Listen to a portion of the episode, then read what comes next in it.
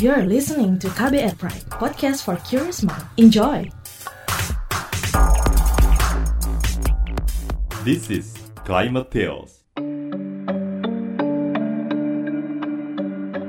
Podcast ini didukung Internews Earth Journalism Network.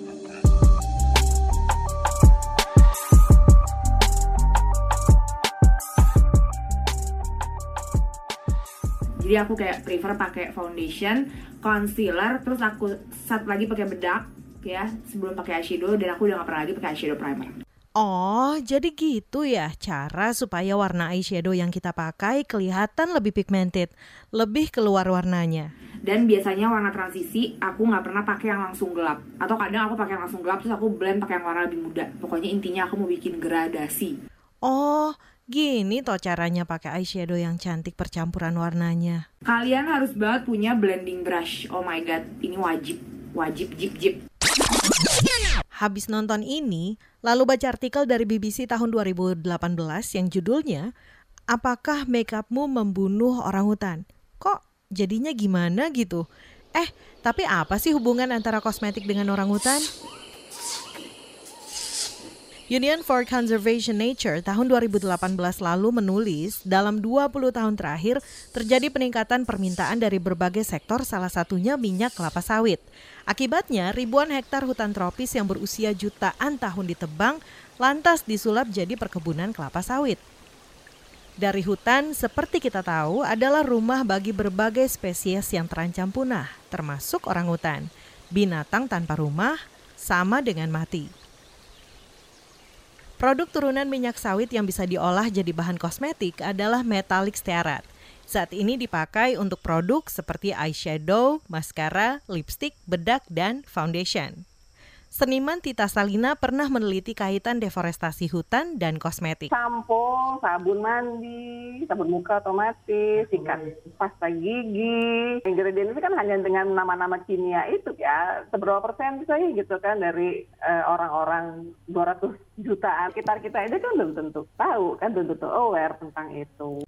Tapi penggunaan minyak kelapa sawit tak bisa serta-merta dihilangkan dari proses produksi produk kosmetik. Memang itu suka nggak suka itu adalah produk paling efisien secara ekonomis dan juga secara pengoptimalan bahannya itu juga itu paling paling efisien banget. Jadi sampai elemen-elemen gitu semua ingredient chemical itu tuh kepake. Ya kalau diibaratkan saya kayak kayak pohon kelapa lah ya. Kayak pohon kelapa kan juga ya juga dari pohonnya sampai dari sampai daunnya itu juga kan kepake gitu ya. Tita menekankan kelapa sawit bukanlah produk yang tidak baik.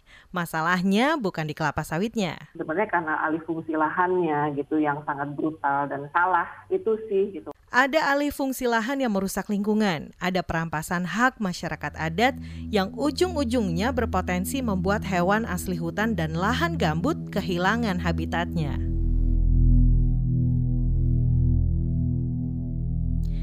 Kalau tadi kita bicara bahan di dalam kosmetik, kali ini kita menengok ke kemasannya.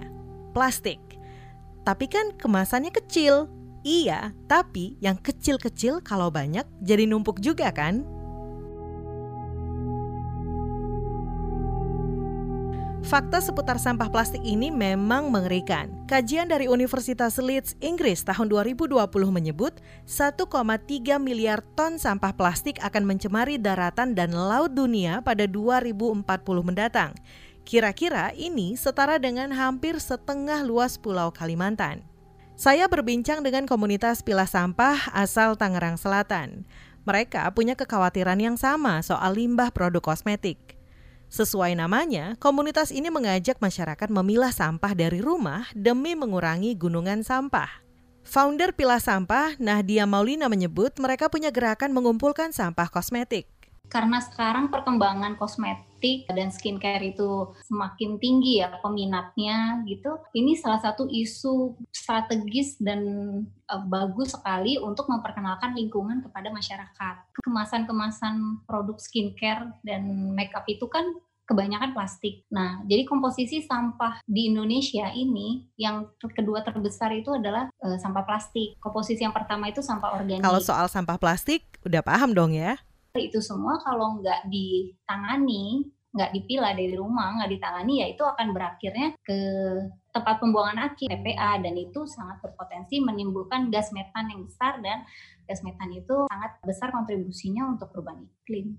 Bagaimana dengan produk make up yang sudah kadaluarsa? Produk skincare atau kosmetik expired sebenarnya kan masih bisa dipakai, tapi karena sudah expired atau misalnya orang-orang cuma beli karena uh, lucu warnanya tapi ternyata nggak cocok, uh, oh lagi ada yang baru nih beli harus punya gitu. Tapi ternyata pakainya sedikit udah bosen lagi ganti terus tambah terus kayak gitu untuk itu komunitas pilah sampah punya gerakan maraton kebaikan di mana sisa make up diserahkan kepada namanya Mbak Gloria Elsa yang perias jenazah gratis itu. Jadi kami kerjasama ke beliau kami serahkan semuanya ke pria jenazah itu tapi sebelumnya kami pilih dulu di rumah mana yang kategori lipstick kategori uh, apa uh, apa ya aku tuh nggak pakai pokoknya kategori beda beda beda ya misalnya untuk eyeliner gitu cover gitu. dan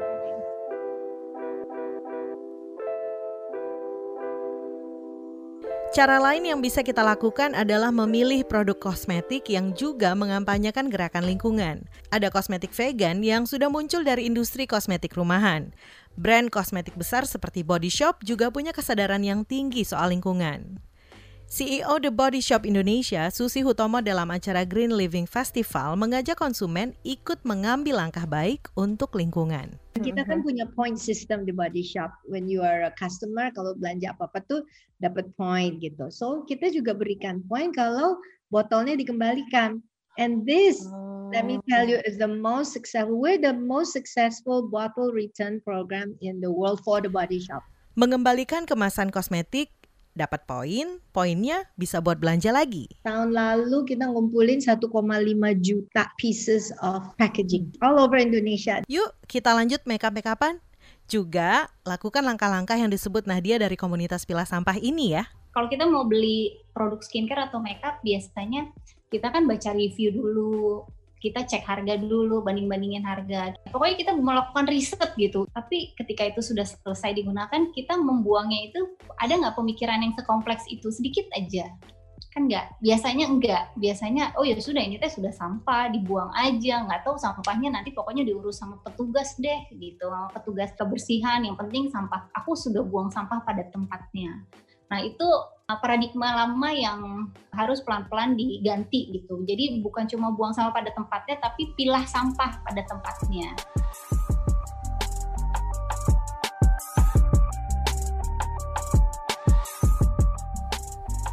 Kamu baru saja mendengarkan Climate Tales produksi KBR Prime didukung Internews Earth Journalism Network. Share podcast ini ke media sosial dan ajak teman-temanmu ikut mendengarkan ya.